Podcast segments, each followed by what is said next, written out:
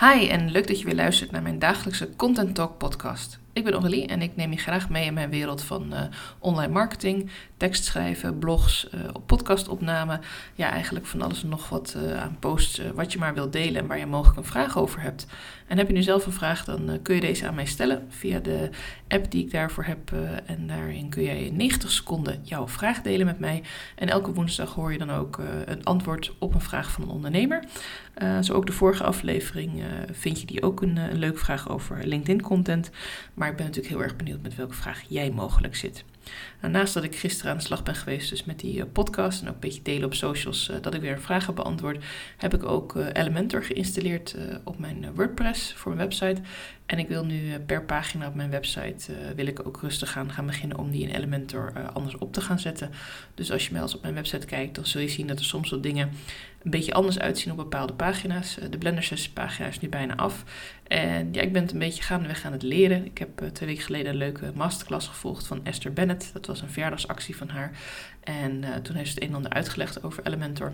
En uh, ja, wat leuk is dan ook dat ze ook een affiliate link heeft gedeeld, waardoor ik dan ook haar weer kon steunen door uh, voor Elementor Pro te gaan. Dat vond ik toch wel fijn, want ik kan daar gewoon ontzettend veel leuke dingetjes uithalen, tooltjes uithalen.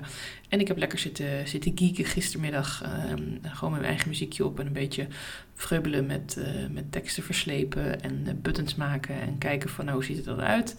En het is geen reclame voor Elementor. Ik bedoel, ik ben hier echt heel bewust ingestapt na heel lang twijfelen en heel lang ook prutselen met de Gutenberg en gewoon de gewone WordPress, zou ik maar zeggen. En ik merk gewoon dat ik het leuk vind om ja, weer wat te verdiepen ergens in. En ik merkte ook vooral dat ik een aantal elementen wilde toevoegen. Dat heb ik nog niet gisteren allemaal kunnen doen, want ik ben pas uh, heel kort hiermee bezig eigenlijk pas uh, maandag Elementor geïnstalleerd. Dus uh, het zal nog wel even duren voordat het er zo uitziet als ik uh, had bedacht en heb uitgetekend.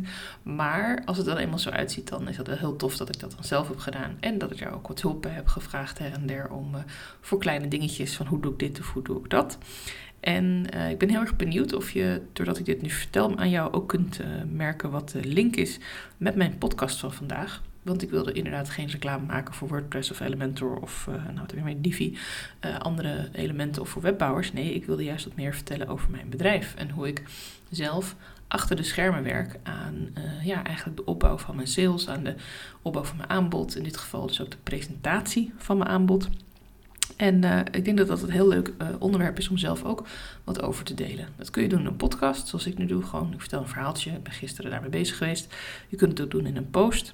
Uh, maar je kunt het ook wat specifieker maken. Bijvoorbeeld dat je bepaalde processen of rituelen binnen jouw bedrijf of binnen jouw leven. Want voor heel veel mensen is het bedrijf, zeker als een coach of therapeut of zoals ik, ik werk met marketing, ja, ik werk vanuit huis. Dus ja, een deel van mijn leven draait zich gewoon rondom mijn bedrijf. Of mijn bedrijf draait zich, daar, past zich daarin. Het is maar net hoe je het bekijkt.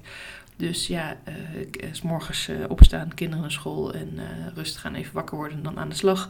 Dat is een beetje hoe mijn ochtend gaat. nu vind ik dat niet zo heel boeiend, maar misschien heb jij wel een heel mooi ochtendritueel. Misschien start je wel om zes uur met stretchen, met mediteren, met schrijven. Miracle Morning komt ineens bij me op. Misschien doe je dat wel. En dat is hartstikke leuk om daar iets over te delen. Want het zegt ook weer iets over hoe je in het leven staat. En het kan een bepaalde klik zijn. Iemand kan denken, hé, hey, dat doe ik ook. Wat interessant, wat leuk. Uh, of hé, hey, wat inspirerend, dat wil ik ook. Dus op die manier kun je een mooie klik maken met iemand door iets te verdelen wat voor jou eigenlijk heel normaal is. Het kan ook iets zijn, iets heel grappigs over jezelf. Um, ik heb bijvoorbeeld een aantal kopjes waar ik alleen maar koffie uit drink en een aantal kopjes waar ik alleen maar thee uit drink. Ja, uh, weet je, sommige mensen denken, kan mij het schelen, ik pak gewoon een glas en ik schenk in wat ik wil inschenken. Maar ik ben daar dus heel erg uh, ja, minutieus in, een beetje gek misschien ook wel. En ja, dat is verder ook helemaal niet zo heel boeiend om dat te delen met jou. Het is niet informatie waar je nachten van wakker ligt van... oh my god, als ik bij Aurélie een keer een sessie thuis kom doen... dan krijg ik een bepaalde kop. Ja, dat klopt, dan krijg je een hele mooie theebeker. Die heb ik speciaal gekocht voor, uh, voor gasten. Dus dan weet je dat ook gelijk. En, um, maar dat kan wel leuk zijn als jij ook zo bent. Als je ook denkt, ja, maar je drinkt toch inderdaad geen melk uit een glas. Of je drinkt geen uh, koffie uit een megamok. Of juist wel, omdat je het lekker vindt om er een cappuccino of een havertino of weet ik hoe ze allemaal heten van te maken. Je hoort, ik drink mijn koffie thuis gewoon zwart. Ik lust ook een cappuccino, maar dat doe ik meestal buiten de deur wel. Um, wat ook leuk is om te delen, is een misser of een blooper.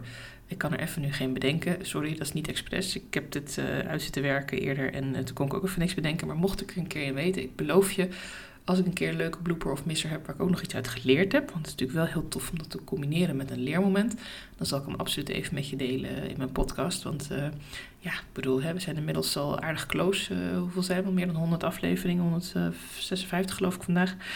En uh, dat is gewoon hartstikke tof om daar wat over te delen.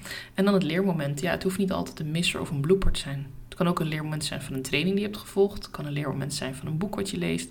Een gesprek wat je met iemand hebt. Misschien heb je een toffe sessie gehad met een business buddy of met een klant. En denk, hey, dat kan ook. Weet je, we blijven elke dag leren. Zelfs al weet je superveel, zelfs al verdien je al miljoenen. Je mag nog elke dag blijven leren. En je mag overal momentjes uitpikken. Uh, misschien leer je het van hoe je kind reageert op iets. Of hoe een klasgenootje van je dochter of je zoon uh, daarop reageert. Het maakt niet uit. Je hoeft niet eens altijd te delen wat de aanleiding was. Tenzij het wel een grappig verhaal is, want dan leid je het gelijk leuk in. Maar je mag ook delen dat je een leermoment hebt gehad. Of als je zegt van nou, het was eigenlijk wel een heel persoonlijk intiem moment wat ik verder niet wil delen